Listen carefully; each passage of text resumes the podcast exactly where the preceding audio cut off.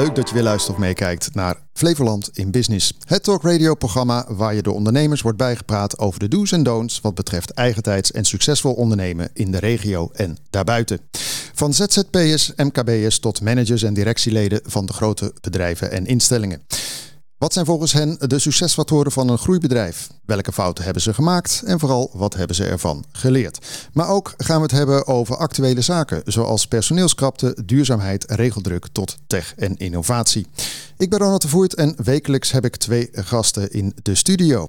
Deze week de gast in de WTC Media Center Almere, Marco Bakker, eigenaar van Videpro en Nick Kuiper, medeoprichter van SquareMoon. Welkom hier in de studio. Dankjewel. Dankjewel.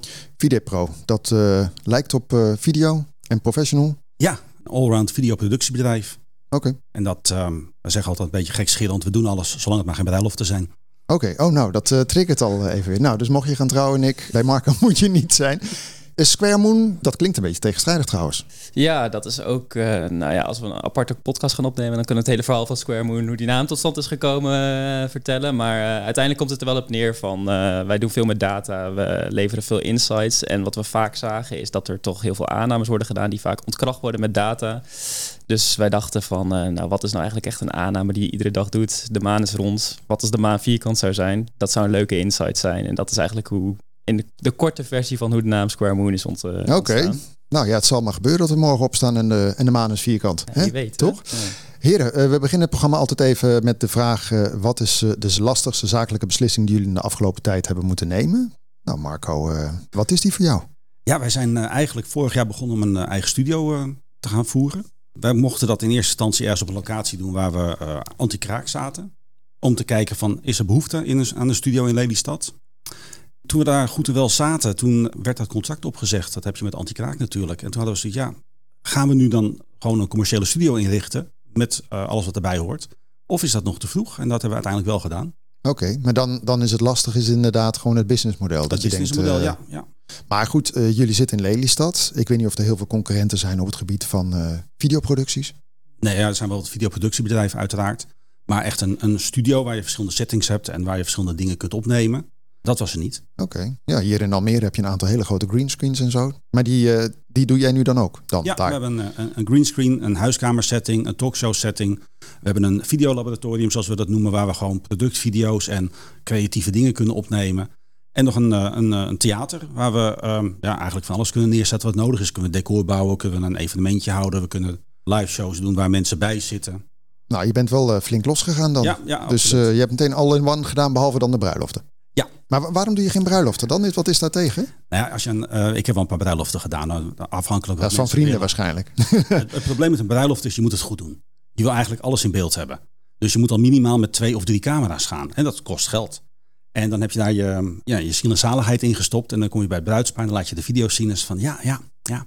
Ome Piet is wel vaak in beeld. En eigenlijk hebben we niet zo'n goede band met ome Piet. Oh god, jeetje, ja. Nou ja, daar kun je een heel tv-programma van maken op uh, de commerciële ja. zenders. Just Married, I don't know. Ja, dat is uh, ook. Ja. Oké, okay, maar voor de rest eventjes, uh, je, je gaf heel veel dingen aan wat jullie doen. Maar dat is dus eigenlijk gewoon bedrijfsfilms, dingen voor ja, YouTube. Ja, we hebben drie takken van sport. Eén is gewoon videoproducties, bedrijfsfilms, instructievideo's. alles wat je met de videoproductie kunt doen. Twee is livestreams en hybride evenementen. Dus dan nemen we de studio mee op locatie en dat of doen we live uitzenden of opnemen. En daarnaast het studiodeel. Dus okay. uh, dat zijn onze drie takken van sport waar we ja, redelijk actief in zijn. En hebben jullie ook heel veel drones in jullie business ondertussen? Want ik zie tegenwoordig elk tv-programma begint met zo'n shot van bovenaf. Of, uh... Ja, ja nou, ik, ik vloog al met drones toen het nog radiografisch bestuurbare helikopters heette. En dat je er gewoon nog een, een, een simpele videocamera onder hing, omdat dat hele DJI-verhaal dat bestond nog niet. En dat, um, ja, dat waren gewoon helikopters met wieken. Ja. En dan, uh, of met brandstof of met grote accupacks. En als je daar dan een bezem tussen hield, dan had je sjoelsteentjes in plaats van. Uh, dus dat ging, uh, was wat serieuzer spul. Ja, ik weet nog zelf dat ik ooit voor Domino deed, geloof ik, ook hier in, in, in de Bollen, zeg maar, een helikopter ook echt heb geleend. Weet je, om ja. shots te maken ja. ergens. En dat maar... je denkt, mijn god jongen, dat kost me een bakken geld. Ja. Dus nu gooi je zo'n droontje omhoog. Nou, dankzij DJI eigenlijk. Hè? Dat zijn wel. Ja, dat is wel een beetje degene die het toegankelijk heeft gemaakt. Ja.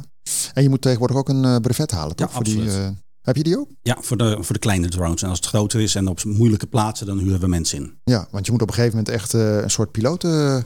brevet En, hebben. en, als je... en contact hebben met de verkeerstoren als nodig is. Als je ergens midden in Amsterdam wil vliegen of ergens eh, in, in de polder heb je natuurlijk het eh, vliegveld Lelystad. Dat is een heel groot no-fly zone geworden. Dus daar moet je inderdaad eh, toestemming voor hebben. Ja, nou ja, goed. Uiteindelijk wordt het ook no-fly voor heel veel grote toestellen daar. Maar dan kun je heel veel drones laten opstijgen. hey, maar, eh, Nick, even richting jou. Jullie zijn eigenlijk nog een start-up, hè? moeten we even concluderen volgens mij. Ja, ik weet niet, wat is precies een start-up? Nou ja, we zijn eh, bijna zes jaar bezig. Dus, Oh ja, dat is op het eh, randje, zeg ik altijd maar. Oké, oké. ja. Maar ehm, een start-up richting scale-up, dat is altijd het goede. Maar wat is voor jou eh, een van de lastigste zakelijke beslissingen in de afgelopen periode? Nou, het is misschien niet één concreet ding waarvan ik zeg van dat is echt een lastige beslissing. Maar bij ons zit het er meer in van de juiste keuzes maken. En wij hebben eigenlijk, we zijn best wel een technische partij. Eh, we werken met een eh, selectief groepje klanten. En wat we vaak doen is, wij bouwen ook heel gerichte oplossingen voor onze klanten. Eh, want daar gaan onze handen vaak ook wel van jeuken om echt die klant te helpen en om echt iets te, te ontwikkelen voor een klant. Eigenlijk zeggen we zelden nee tegen, tegen een vraag. En dat is tegelijkertijd ook de uitdaging om toch niet te veel op te pakken en toch soms te focussen op de juiste producten die je echt wilt ontwikkelen. En ook een stukje schaalbaarheid te behouden. Eh, want als je echt heel specifieke oplossingen gaat maken, ja, dat is voor een klant heel erg leuk. En daar kun je ze ook heel gelukkig mee maken. Alleen eh, het mooie is natuurlijk ook als je dat weer verder kunt uitrollen voor, eh, voor andere partijen. Ja, dat je niet inderdaad de hele dag aan de customizen bent voor klant X. Maar kan je ons even meenemen in een voorbeeld wat jullie doen? Want je zelf, we doen data. Nou ja, goed, heel veel zaken zijn data vandaag de dag. Kan je een voorbeeldje geven? Ja, ehm, nou, ons speelveld zit hem eigenlijk. eh, we zijn van origine ooit begonnen als eh, echt puur met consulting. Ik heb echt een, eh, een achtergrond in data analytics. Hiervoor bij een marketing consulting bedrijf gewerkt. En daar deed ik echt alle analysewerkzaamheden. Dus vanuit daar, nou ja, de, begonnen met het analyseren van grote datasets. En ook online staat er ontzettend veel open data beschikbaar. Die vaak ja, niet optimaal gebruikt worden of vaak niet gevonden kan worden. Die je gewoon kan scrapen van het internet of eh, nou, gewoon... hoeft niet eens te scrapen, maar er zijn bijvoorbeeld best wel veel eh, API's. En op social media wordt ontzettend veel gezegd. Eh, je kunt er ontzettend veel informatie uithalen. En dat kan ook echt uit beeld, het kan uit video, dat kan uit afbeeldingen. Om dat om te zetten in content en in data, daar kun je dus hele interessante learnings uithalen. En echt zien wat er werkt in de industrie. Maar we, we, jullie zagen, heet dat? Ik zag op de website zag ik eh, BNR, KLM, heel veel van die grote namen. Dat ik dacht, zo, dat is, eh, dat is niet mis. Ja, dat is Maar wat doe je bijvoorbeeld voor een BNR bijvoorbeeld dan? Eh, nou ja, dat is het leuke ook van onze oplossingen zijn dus best wel heel specifiek per klant weer. Maar bijvoorbeeld BNR is eigenlijk, eigenlijk overkoepelend is dat we klanten zoeken die best wel een complexe productstructuur hebben. Dus dat eh, niet de simpele e-commerce webshop, maar eh, nou ja, bijvoorbeeld nieuwsartikelen. Dat zijn er gewoon nou, honderden per dag bijvoorbeeld. En die moeten allemaal gepubliceerd worden. Dus wij hebben bijvoorbeeld tools die al die content ophalen uit een feed, maken daar een, eh, halen de afbeelding op en eh, doen er een tekstoverlay in, zorgen ervoor dat het op alle platformen terecht komt te staan. Adverteren het ook eh, op verschillende social platformen en vervolgens hebben we dan ook weer dashboards om nou ja, te leren van hey, welke content werkt er nou goed voor, eh, voor bijvoorbeeld BNR. Dus, Dus ja, hoeveel wordt er geklikt of hoe lang wordt er gelezen? Dat je dan kan zien, geanonimiseerd natuurlijk, van Ja, deze kop werkt wel lekker en die niet. ja, ja, ja. En, Maar is, is het ook inhoudelijk qua artikel? Hè? Want tegenwoordig kan je ook lekker AI gewoon een artikel laten maken. Maar daar stuur je ook op? Eh, en in wat voor zin bedoel nou, je bijvoorbeeld bij BNR kan ik me voorstellen dat ze zeggen... ja, deze klikt minder. Misschien moet je iets andere woorden weer kiezen... zodat je weer boven in die eh, resultaten komt. Eh, ja, dat kan, kan bijvoorbeeld. Ik bedoel, het leuke is ook als je heel veel publiceert, je hebt heel veel content, dan leer je ook heel snel. Dus ehm, nou, wat wij ook vaak adviseren op het gebied van content, experimenteer. Probeer verschillende koppen en probeer ook de extreme verschillen op te zoeken. Dus eh, ook bij bijvoorbeeld een AB-test waarbij je twee varianten maakt. eh, zorg dat ze echt onderscheidend van elkaar zijn, zodat je echt de verschillen gaat zien. En het leuke is dus ook met bijvoorbeeld die open data voor bijvoorbeeld een nieuwsplatform. Ja, er zijn al duizenden voorbeelden geweest van andere pu- publishers die bijvoorbeeld al wel heel veel geëxperimenteerd hebben waar je ook weer van kunt leren. Dus die nemen we bijvoorbeeld ook weer mee als input om te kijken van hey, in de industrie probeer dit concept eens of eh, ga hierover schrijven. Maar dan heb je bijvoorbeeld over de combinatie eh, beeld en tekst. Ja. Ja. bedoel, het is dan wel dat je ze op die manier kan testen. Maar bijvoorbeeld voor een, eh, voor een leaseplan of Mercedes, die hebben niks met tekst. Wat, wat doe je dan? Campagnes of zo? Eh, onder andere, onder andere, maar ook daar is eh, ontzettend veel concurrentiedata beschikbaar. Eh, ook daar wil je weten van, hey, Maar waar haal je die vandaan? Is dat een soort, je gaat Facebook leeg slurpen of zo? Ja, er zijn dus Tenminste, connectors. wij zijn ook eh, Facebook-partner, eh, Meta-partner, waarbij, waardoor we dus ook toegang hebben tot bepaalde API's. Waardoor we bijvoorbeeld heel veel archief kunnen ophalen van, van advertenties, van beelden. En daar bouwen we ook weer onze eigen datasets op. Dus bijvoorbeeld een leuk voorbeeld daarvan is dat we zeker toen we begonnen hebben we eigenlijk uh, altijd geprobeerd heel industrie-specifieke oplossingen te bouwen. Uh, ook met het oog op schaalbaarheid. Waardoor we bijvoorbeeld kijken van, hey, we pakken allemaal merken uit de automotive industry. En we gaan uh, kijken van, hey, wie is afgelopen week de marktleider geweest? Waar kwamen veel comments op binnen? En dan ga je concurrent bellen en zeggen, joh, Pietje doet het beter dan jij. Mm, nou, je wil wel zien waar je staat. Uh, dus dat was, dat was in het begin ook toen we begonnen. Uh, ja, on, ons eerste product eigenlijk. Een soort van benchmark tooling gemaakt van... hey, wil je weten waar je staat en waar je concurrenten staan... en waar je het beter kunt doen? Dat was natuurlijk wel een leuke trigger om gelijk ergens binnen te komen. Ja, ik denk dat Mark ook al getriggerd zou zijn... als je gewoon al mailt van je kan nog beter worden. Let jij heel erg op dit soort dingen ook qua... want jullie zitten in video, maak je ook tekst bij online? Ja, absoluut. Um, ik, ik heb even op jullie website gekeken en ik vond het erg grappig dat jullie ook een, een, volgens mij een tool hebben die dus eigenlijk als je een advertentie creëert al gaat voorspellen wat het resultaat gaat zijn van die advertentie. Ja, klopt. Ja. En dat is natuurlijk briljant. Is dat dan een eigen soort algoritme wat je bedacht hebt? Of uh, waar, is dat op gestoeld dan? Ja, dat, is, uh, dat heet de Creative Pretester. Uh, waarbij we eigenlijk, dat is getraind op, op eye-tracking data. Waardoor je eigenlijk nou ja, van tevoren al, zonder dat je echt een studio in hoeft, een afbeelding kunt uploaden. En dan kunt zien van waar gaat de aandacht naartoe in een, in een afbeelding. En die techniek, ja, die we hebben ook beschikbaar gemaakt voor video. Nou, video is wel echt gelijk echt een heel ander speelveld dan een, dan een foto. Want een foto dat gaat best wel snel en dat is. Uh, ja, het is ook statisch. Ik bedoel, video beweegt natuurlijk. Ja, ja, ja. Maar goed, je hebt wel volgens mij, uh, er zijn bepaalde van die heatmaps, heet dat dan, hè, waar je ogen naartoe gaan. Maar goed, in, in video zullen ook gewoon bepaalde key dingen zijn waarvan je zegt als je dat erin stopt, dan, uh, dan werkt het. Ja, ja, ja, en over het algemeen zien we vaak gewoon, en dat zullen jullie als ervaringsdeskundige ook wel weten, gewoon hou het simpel en hou gewoon één focuspunt. Want uh, wat we ook best wel vaak zien, zeker in de marketingachtergrond, mensen willen heel veel vertellen, willen heel veel laten zien in één beeld. En uiteindelijk laat je daardoor helemaal niks zien. Dus ja, hoe... Keuzes maken. Ja. Mooi. Doe jij veel met data eigenlijk, uh, Marco?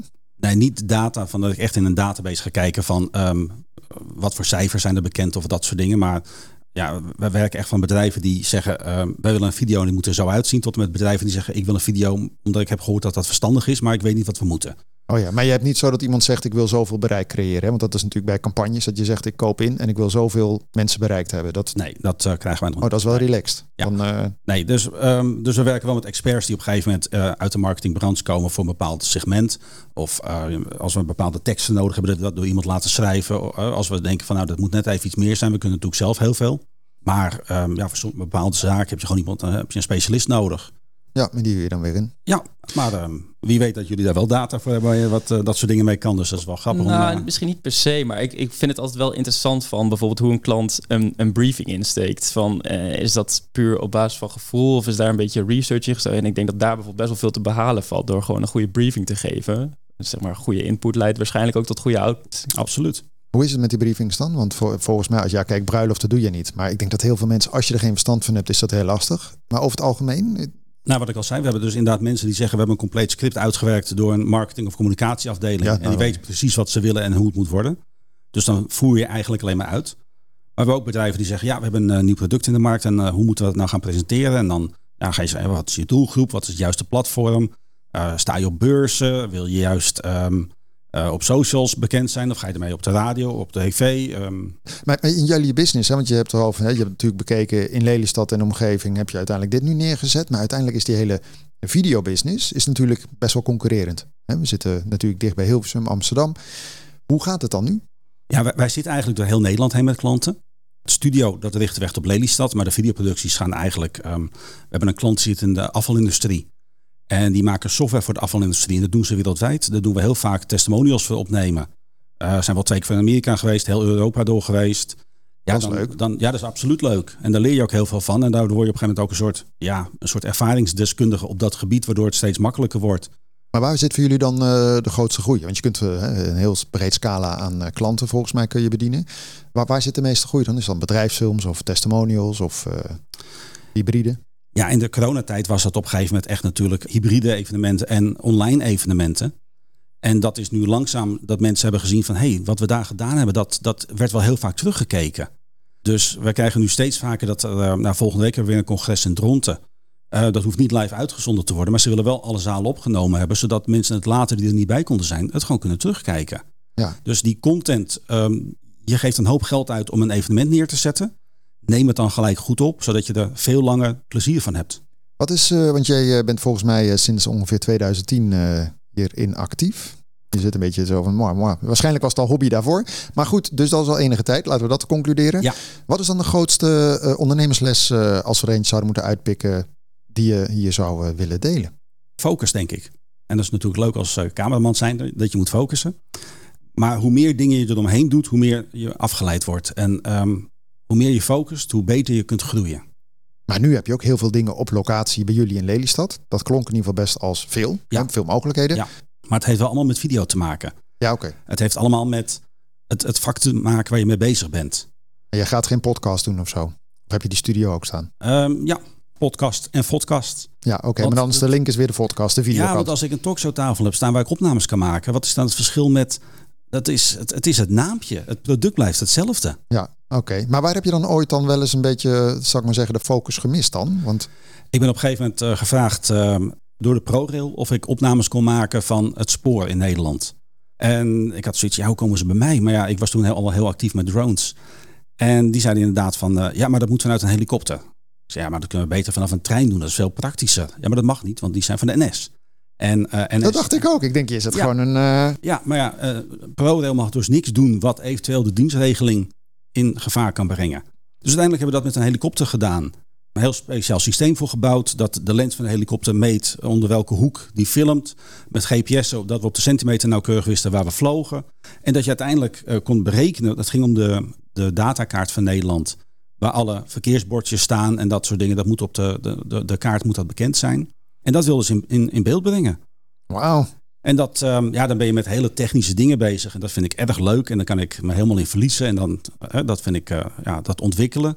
Maar dan ben je met een heel ander product bezig dan met video. Ja, er zit wel een camera bij, maar het was een heel andere tak van sport. Ja, ik zit meteen even aan AI te denken, maar daar, daar komen we zo anders eventjes op. En, uh, Nick, als je het dan even kijkt bij jullie, want jullie zijn uh, volgens mij 2018 uh, ongeveer gestart. Ja. Eerst was het consultancy, nu ben je bezig met softwareproducten die je wilt schalen. Een soort pivotje, hè, dat is altijd mooi bij een start-up. Maar je gaf al aan, toch al enig tijd onderweg. wat zijn de grootste lessons learned, zal ik maar zeggen, als je er eentje moet uitpikken? Nou, ik denk dat ik me wel kan aansluiten bij Marco. Ook dat focussen. Nou, wat ik net eigenlijk ook al zei van... Dat is ook wel een persoonlijk ontwikkelingspunt hoor. Van zeker tegenwoordig. Je hebt al die AI's, je hebt al die API's. Het is voor mij soms ook een beetje een soort van speeltuin. Van uh, iedere dag wordt er bijna wel weer iets nieuws gereleased. En je wilde mee aan de gang gaan. Je wilde iets mee bouwen. Je wilde iets mee doen. Waardoor je soms ook op het punt komt van... Oké, ja, nu hebben we in één keer tien verschillende tools gebouwd. ja, misschien moeten we ze ook maar gaan vermarkten. Dus uiteindelijk, ja, de les voor ons ook wel. En ik denk dat die les nog steeds geldt. Is gewoon echt focussen op wat je echt wil doen. Neem ook de tijd om echt af en toe naar je eigen bedrijf te kijken. Want uh, ja, van de, in de waan van de dag kun je soms ook wel heel snel verliezen in, uh, in klantwerkzaamheden. Dat, dat is voor ons echt de grote, de grote uitdaging voor de komende periode. Heb je iemand die je daarin helpt dan? Want ik kan me voorstellen, bedoel, Marco en ik zijn wat ouder dan jij, kunnen we stellen. Maar ik kan me voorstellen dat het ook heel lekker is als je iemand hebt die gewoon ervaringsdeskundig is. Hè? Dat woord noemde je zelf net al. Die jou een beetje bij de les houdt. Want als je elke keer ja, een les uh, geleerd is mooi. Maar op een gegeven moment wil je ook gewoon uh, beter voorwaarts. Uh, nee, ik heb niet bijvoorbeeld een, een coach of, of iets dergelijks. Ik moet wel zeggen, ja, er is tegenwoordig ontzettend veel content online. En je leert denk ik ook gewoon heel veel door het uiteindelijk te doen. Uh, dat is wel altijd iets wat wij hebben gehad van ja, we gaan het gewoon proberen en we kijken waar het schip strandt. En daardoor ja, heb je jezelf ook wel weer heel veel kunnen verbeteren. Maar, uh... En ondertussen hebben jullie wel de, gewoon de klanten en de inkomsten. Want dat is natuurlijk het gevaar dat je met heel veel startups die hè, richting die grotere groei, dat het breekt. En, uh... ja, ja, ja, dus dat, dat, dat loopt ook allemaal heel goed. En daar zijn we ook heel blij mee. Uh, maar dat is soms ook alweer het gevaar van je komt soms best wel in een hele comfortabele positie. Om jezelf ook weer uit te dagen. Om ook weer daarvan los te breken bijvoorbeeld. En echt bezig te gaan met innovatie. Oké, maar hoeveel mensen zijn jullie vandaag de dag? We zijn nu gewoon, uh, ik, uh, ik heb een uh, co-founder en we hebben hier voorheen ook wel met, veel intensief met een externe developer gewerkt. om ook echt te helpen met die applicaties en daar heb ik dan ook weer heel veel van zelf kunnen leren. Maar ja, we proberen het eigenlijk klein te houden en verder wel met wat flexibele schillen te werken. Dus wel met ZZP'ers opdrachten aan te gaan, maar de kern is, is echt wij twee. Ja, en qua investeringen valt het wel mee, want het is allemaal natuurlijk, het is data. Ja, Het ja, is een soort, ja, eh, als je het dan over AI...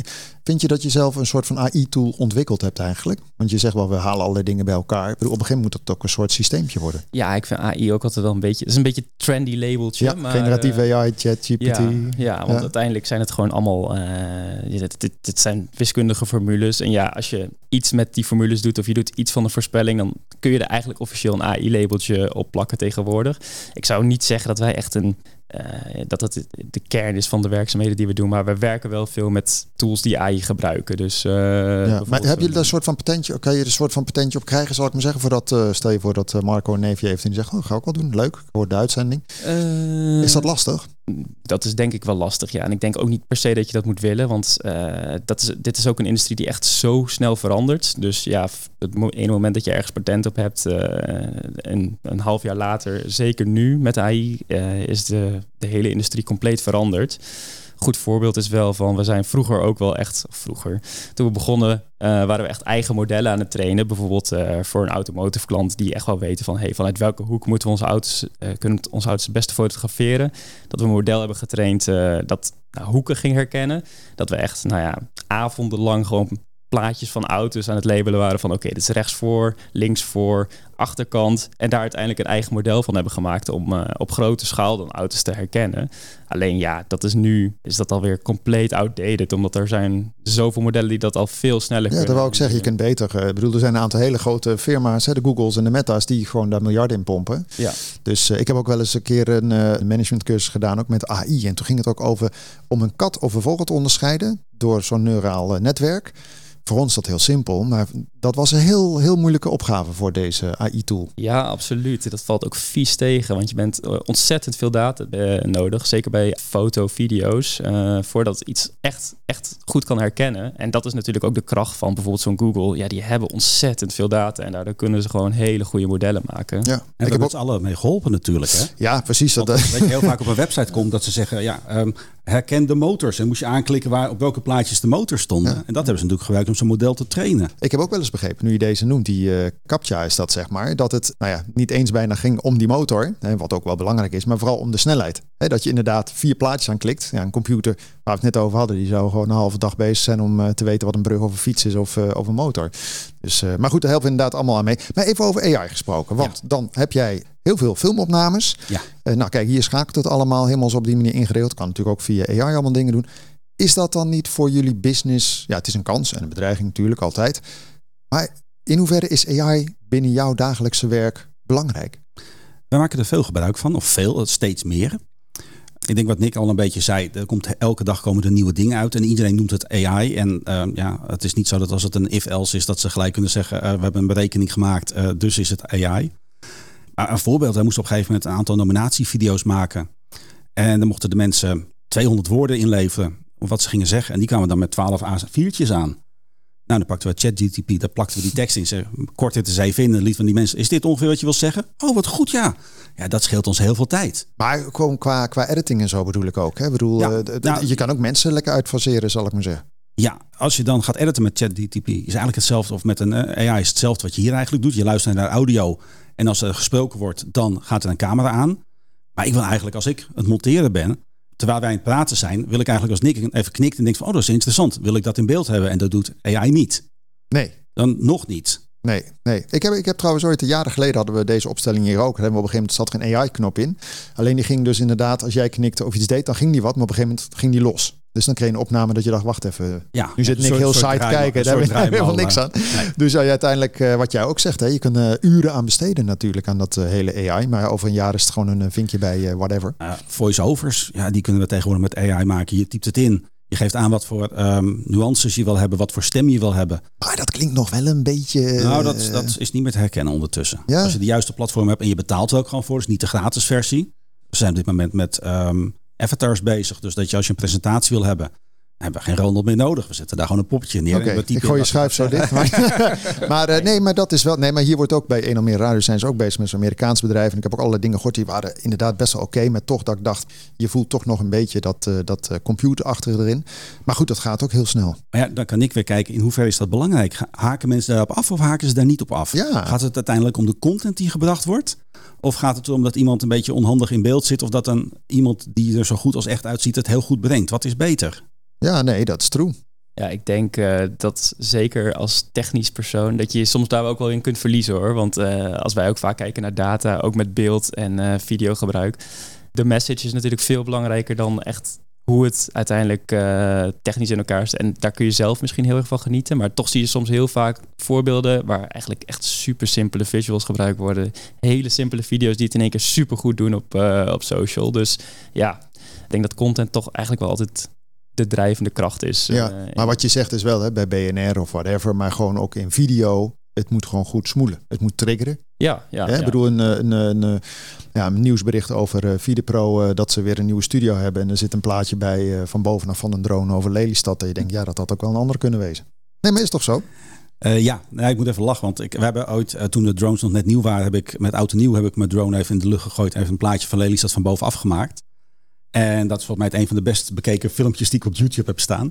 Want dat is gedeeld in Omroep Flevoland en die gingen we weer delen. En ja, dat ging echt alle kanten op. Dat was echt bizar. Oh, dan kun je een soort uh, Creative Commons uh, ding opmaken. Of weet dat soort uh, Getty Image dingen. Ja. Kan je geld aan verdienen. Aan de shots.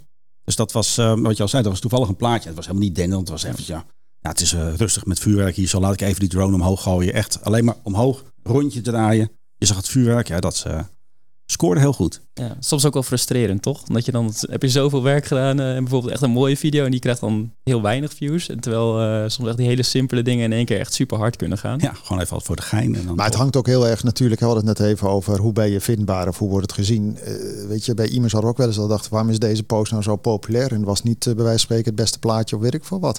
Maar ja, dan had Google hem weer opgeplakt en dan in je feed gegooid. En, maar goed, een half jaar later was het weer een ander algoritme en dan. Ja daar word je toch ook helemaal gek van dat je dan uiteindelijk uh, al dat soort algoritmes die je tegenkomt. Ja, daarvoor kun je beter focussen op gewoon mooie content maken en proberen het verhaal van de klant zo goed mogelijk in, in beeld te brengen. En dan, ja, het is ook erg afhankelijk wat de klant er zelf mee doet uiteindelijk. Ja, um, marketing eens, bedoel je? Ja, ik heb wel eens hele mooie video's gemaakt dat mensen echt zeggen van ja, wauw. En dan zetten ze het op een YouTube en dan staat het alleen maar bij bedrijfsfilm. En er geen keywords of geen verhaaltje, dus kan nooit gevonden worden. Nee, ja, toen, uh, toen moesten ze Nick bellen eigenlijk. Nee, maar dat is wel wat vaak uh, volgens mij. Het zijn ook vaak uh, gewoon een beetje de basics, denk ik, hè, wat mensen vergeten. Ja, dat denk ik wel. En ook met die algoritmes, je moet je er denk ik ook niet blind op staren. Want uiteindelijk, die algoritmes optimaliseren ook gewoon om mensen zo lang mogelijk op een platform te behouden. En hoe behoud je mensen op een platform? Ja, maak gewoon goede content. Zo simpel is het soms eigenlijk ook. Maar soms kom je ook echt ontzettend in een bubbel terecht. Hè? Ik heb dat op X tegenwoordig. nou, ik, ik zie alleen maar dezelfde dingen langskomen dat ik denk, jeetje, waar, waar heb ik de afslag gemist? Maar dat is wel een gevaar natuurlijk. Hè? Want dan is van, oh, dit is leuk, dit is leuk. Ja, dat denk ik zeker. Ja, en dat is ook wel de uitdaging voor jezelf, denk ik, om toch ook uh, buiten je bubbel te blijven kijken. Dat is misschien weer een heel andere discussie. Maar uh, ja, dat is, dat is natuurlijk ook hoe die algoritmes wel optimaliseren. Want die kijken gewoon uh, hoe lang kan ik iemand op het platform houden. En dat is uiteindelijk voor hun het allerbelangrijkste. Want nou ja, meer tijd, meer advertenties, meer inkomen. Dus die zullen daar altijd op optimaliseren. Ja. Maar goed, ja, als consument heb je denk ik wel uh, ja, een uitdaging daar om ook uh, buiten je bubbel te blijven. Ja, dat, is, uh, dat is zeker voor ons, weet dat, voor de, voor de tieners van vandaag de dag. Tenminste, mijn kids, dan denk ik af en toe van jongens, ga ik eens wat anders doen. Weet je, of die zien in één keer iets, oh, dat bestaat ook. Denk ja, dat komt door je bubbel. Maar hoe, hoeveel mensen heb jij eigenlijk over de vloer lopen? wij werken met z'n tweeën. En, ook met z'n tweeën. Ik heb twee keer ja, twee. Dat is mooi. Maar daarnaast hebben we een heel team met freelancers die eigenlijk kind in huis zijn. Die gewoon, um, ja, die, die blindelings op een klus kunnen zetten waarvan we weten dit komt goed. Je hebt met filmen natuurlijk heel veel uh, specialiteiten. Uh, wat je al zei, uh, drones, steadycams, tv-opnames, actie. er zijn allerlei soorten opnames. En de ene is beter in het ene of het ene leuker. En zo kunnen we per klus gewoon kijken wie we meenemen of wie erop zetten. Vanuit een groot congres gehad. Je hebt een grote camera bij je, grote lens. Moet je alleen maar die mensen volgen, heel snel kunnen schakelen. Ja, is iets heel anders dan dat je met een steadycam ergens achter een rijden om de fiets aan moet lopen en zorgen dat het mooi in beeld blijft. Ja, maar het scheelt je ook een hoop investeren volgens mij. Want zo'n Steadicam uh, die is in de loop der jaren ook uh, totaal ontwikkeld. Ik zag laatst keer iemand lopen, toen dacht god, vroeger hadden wij in de studio's een heel een hele andere, echt zo'n bak, zal Ja. ik maar zeggen. Nou, we hebben die nieuwe. Ja, nou ja, precies, dat mag ik hopen. dus uh, trouwens, wat vind je eigenlijk van zo'n uh, zo'n Apple Vision Pro idee? Uh, ik, ik, las vanochtend weer dat mensen die hadden, ja, ik krijg nekpijn en ik stuur het ding weer terug. 3.500 euro, ook niet Ja. zo weinig. Ik denk dat het de toekomst is. Ik heb van de week een, een, een maatje van mij gesproken die heeft mij uitgenodigd, die heeft hem. En ik heb nog geen tijd gehad helaas om langs te gaan. Het, het is hem nog niet. Ik heb zelf nog niet gezien, maar hij gaf aan het moment dat je naar een computerscherm kijkt, iemand vraagt je wat en je kijkt even weg, dan kijk je in de echte wereld. En met zo'n uh, Apple Vision Pro blijf je naar het scherm kijken. Ja, want het schijnt inderdaad wel een soort van. Nou, ja, voor de buitenstaande lijkt het of je gewoon een skibril op hebt, ik noem het maar even. Maar je kan wel kijken in één keer de gewone wereld inwonen. En tuurlijk is de eerste, het is hartstikke te promoten dat uh, Apple uh, dat doet. Maar uh, ja, ik vind het nog een hele nieuwe way of doing, ik, zou ik, maar zeggen. Um, ik denk wel dat het de toekomst wordt. Ik kan me heel goed voorstellen, um, als je op, op locatie werkt en je hebt een laptop bij je en je kunt zo'n bril opzetten en daardoor heb je opeens drie, vier, vijf grote schermen bij je, waardoor je veel sneller kunt werken, veel meer informatie kunt zien. Ik zie mezelf uiteindelijk wel monteren ermee. Dat je op, Oh, een, gegeven ja. moment, dat je op een gegeven moment kunt zeggen van, uh, nou ik zie, uh, ja, je hebt hier ook allemaal schermpjes voor je staan. Dat je zegt, oké, okay, camera 1, die klik ik aan en die moet iets uitzoomen naar links toe, dat je dat met beweging... Ja, maar dat is inderdaad, dat is gewoon een beetje regie. Maar ik bedoel, op het moment dat ik ga lopen editen van dit programma of zo, dan, dan gaat het wel om, weet je, dan moet je wel precies goed doen. Ja, dat weet je zelf met al die tijdlijn. Dat, dat kan. Wauw. Dat, Nou, dat werkt ik, gewoon. Ik kan me ook wel voorstellen dat we straks naar een wereld gaan dat je echt heel andere formats uh, moet gaan filmen. Bijvoorbeeld, we, we, ja, alles is nu vaak echt ontworpen voor een, uh, een scherm. En, uh, maar goed, met zo'n Vision Pro natuurlijk, dan ga je ook heel andere dimensies, uh, waar je waarschijnlijk ook weer andere apparatuur voor nodig bent. ja, Denk maar je kan wel echt uh, die eye tracking uh, moest ik aan denken net. En dat ik dacht van nou, dat is voor jou feest natuurlijk. Want je, je moet met je ogen volgens mij kijken in die bril. En dan, en dan ga je bijvoorbeeld de button Ja. play in uh, duwen. Ja. Maar bedoel, je kunt alles uh, kan je keer Dus eh, monitoren. heel veel data. Ja, ik denk alleen dat die data wel bij Apple blijft. Eh, dat ze dat niet zomaar, eh, zomaar gaan vrijgeven. Maar er zullen toch ook uh, concurrenten komen die, uh, weet je, die, die dit ook gaan doen. Ja, die misschien niet zo. eh, Maar daar heb je nog geen zicht op. Ik denk, jij zit er al in. Nee, nee, nee, nee. Ik denk dat je ja, wel die, Meta. Hm? Ik denk wel dat je bij die data kunt komen. Nou, Op het moment dat jij een, een, een, een app maakt, dan moet jij dus kunnen zien of jij naar de play-button kijkt of naar een andere button. En dat is de data die in je eigen app natuurlijk wel. Ja, dus ja, als jij een plaatje laat zien waar je dus een soort map overheen hebt, dan kun je dat gewoon meten waar ze naar kijken. binnen je eigen platform zijn er wel kansen. Maar ik moet zeggen, bijvoorbeeld iets als Apple is daar wel echt heel strikt in hoor. Met, En- en- en terecht. met het delen van data. Ja, nee, dat is ook een ontwikkeling die denk ik wel afgedwongen is eh, de laatste jaren. Maar Dus- goed, als je dat geanonimiseerd doet en je weet bijvoorbeeld, stel je voor dat eh, Marco er eentje op heeft en je weet nou, die playbutton moeten we eigenlijk iets naar rechts doen, want links daarvan zit ook de stopbutton en die wordt eh, ook nog een keer ingeduwd terwijl we, we juist willen gaan opnemen. Ja, bedoel, dat zijn wel nuances. Absoluut. Dus eh, dat is natuurlijk wel handig. Oké, Hey, richting het eh, einde van het programma, dan eh, geef ik jullie de mogelijkheid eigenlijk om één dag de baas van ondernemend Nederland te zijn. Wat zou jij doen als jij morgen in Den Haag zou zitten en als ondernemer, rasondernemer, vind je het allemaal goed hier? Of zeg je van nou, ik ga echt dingen aanpakken? Ik zie een grote denkwolk. Ja, absoluut. Misschien moet ik eerst even antwoord geven. Kan ik even nadenken. Ja, maar ik denk jij hebt daar vast in al die tijd. Nee, ik denk dat het enige waar ik... ehm, ja, we zijn wel een land van regeltjes. En eh, sommige dingen zou ik misschien iets vrijer laten. Maar jij is- als eh, vanuit eh, jouw videoproductiebedrijf, natuurlijk hebben we regels, dat zijn belastingdingen, neem ik aan. Maar jij hebt niks te maken met eh, ook- duurzaamheid. Of, eh, hè, je hebt wel ledschermpjes waarschijnlijk of dingen allemaal. Maar het is niet zo dat jij. eh, Nee, maar bijvoorbeeld, eh, we hadden het net over drones. Sinds de, eh, de- dat ik met drones vloog en er nog geen wetgeving was, zijn er ondertussen vier of vijf verschillende wetgevingen geweest waar mensen die dat allemaal gevolgd hebben, iedere keer een ander certificaat moesten halen. En iedere keer werden er nieuwe regels opgelegd en iedere keer waren ze weer anders. Ik denk dat als mensen met gezond verstand zouden vliegen, dat dat niet nodig was geweest. Maar ik snap dat het gebeurt niet, dus moet je regels hebben. Maar dat is af en toe, ik denk van, ja, dat mag iets minder. Oké, ja, dat snap ik. Maar voor de rest valt het wel mee in jouw business volgens mij, toch? ja, absoluut. Bij jou, eh, Nick, want ja, jij zit, eh, daar komen we, hè, in de, in de A- AVG privacyhoek, eh, data, screpen, klutsen en dan komt er iets uit. Ja. Zit jij vast aan heel veel... Nee, dat valt eigenlijk heel erg mee, omdat wij ook niet veel met persoonsdata doen. Eh, daar proberen we ook eigenlijk bewust zoveel mogelijk van af te blijven. Dus ja, we proberen juist echt die, die open dataset zo geaggregeerd mogelijk te doen. En het gaat mij ook echt totaal niet om wat een persoon doet. Je wil eigenlijk weten wat, wat een groep mensen doet. Dus eh, ja, daardoor blijven we daar over het algemeen eh, hebben we daar niet heel veel mee te maken. Maar je hebt natuurlijk wel klanten die bijvoorbeeld als je iets wil meten of je wil iets van webgedrag meten, dan moet je daar natuurlijk wel toestemming voor vragen en consent voor vragen. Dus je hebt wel gezien, zeg maar, nou, toen we begonnen, dat er over het algemeen meer data en kwalitatief betere data beschikbaar was dan dat het nu was. Maar ik denk op zich dat er wel uh, een gezonde ontwikkeling is. Ja, wat zou jij doen als jij, uh, nou, dan ben je ongeveer de jongste minister, denk ik, uh, die we hebben rondlopen. Nee, maar qua ondernemer in Nederland, zeg je van, ik heb een aantal suggesties? Ja, ik moet eerlijk zeggen dat ik, ik vind het best wel goed geregeld allemaal in Nederland. En ik denk dat de cijfers dat ook wel laten zien. Als hier, volgens mij zijn het bijna 2,5 miljoen ondernemingen in Nederland geregistreerd. Dus die, die barrière is best wel laag. Iets waar we zelf wel een keer tegenaan zijn gelopen waarvan ik dacht van, nou dat, dat moet toch echt makkelijker kunnen. Zeker, uh, nou we hebben nu best wel te maken met een personeelstekort hier in Nederland. We hebben een keer een, uh, een jongen die in, in, Spanje werkte als developer. Nou, voor ons kan dat prima, die kan gewoon remote werken. Dachten we van, nou die willen we gewoon in dienst nemen op onze, op onze loonlijst. Nou dat was echt een gigantisch ingewikkeld proces. Waar je te maken krijgt met in één keer Spaanse wetgeving, Nederlandse wetgeving. Je moest een entiteit daar gaan oprichten dat ik dacht van ja, binnen de EU zelfs, dat het nog zo ingewikkeld is om eigenlijk iemand buiten de grenzen op je loonlijst te krijgen. Daar, uh, daar heb ik het idee dat er nog wel veel te halen valt. Heb jij er last van eigenlijk, Marco? Want jij werkt ook wel eens in het buitenland, neem ik aan. Dat is gewoon inhuur dan toch? Ja, toch? Ja. Wel, ja. Hey, nog even een dingetje wat ik even tot slot. Uh, want jij zegt net, uh, we, hè, we halen allerlei dingen bij elkaar. Moest ik denken aan uh, dat in Nederland was er zo'n club die heeft voor Oekraïne en zo allerlei. Hè, Bellingcat en zo doen dat allemaal. Hè. Die pakken allemaal tools en dan zeggen ze: hey, daar gebeurt iets. Of dat, is, dat is natuurlijk bij jullie ook wel een dingetje wat je ermee kan doen. Hè. Je kan. Zeker. Ik bedoel, een foto van Marco ergens met een klein boompje. En dan weet je, oh ja, dat is in Zuid-Afrika en dat is dit. En... Ja, zeker. Nu met die ontwikkeling van die AI-tools ook, die echt op massale schaal dingen kunnen, kunnen gaan herkennen. Ik denk dat dat echt uh, ontzettend uh, gaat helpen met, uh, met allerlei soorten onderzoeken. En maar jullie kunnen toch een beetje pivoten die kant op volgens mij? Ik bedoel, je doet nu heel mooi voor, voor merken je, en als voor je campagnes. Als je hebt dan...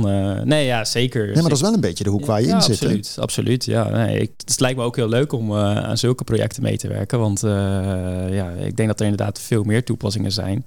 En ook, ook bijvoorbeeld met video is ook iets wat nu eigenlijk super snel geïndexeerd kan worden. Doordat bijvoorbeeld al die teksten, nou, die worden vrij makkelijk uh, uh, getranscribed. En die kun je weer nou ja, door een, uh, bijvoorbeeld een ChatGPT halen om heel snel te ontdekken ook van hé, hey, waar wordt dit besproken? Of waar, ja, waar, waar hebben ze het over? Waardoor je eigenlijk heel snel tot nieuwe inzichten kunt komen. Ja, dat was een keer jaren geleden was bij TechCrunch, zo'n Amerikaanse tech-site. Toen weet ik nog dat ik een video was drie kwartier en dan kon je gewoon zoeken. En zeg gewoon van Nick en dan uh, weet ik van wat.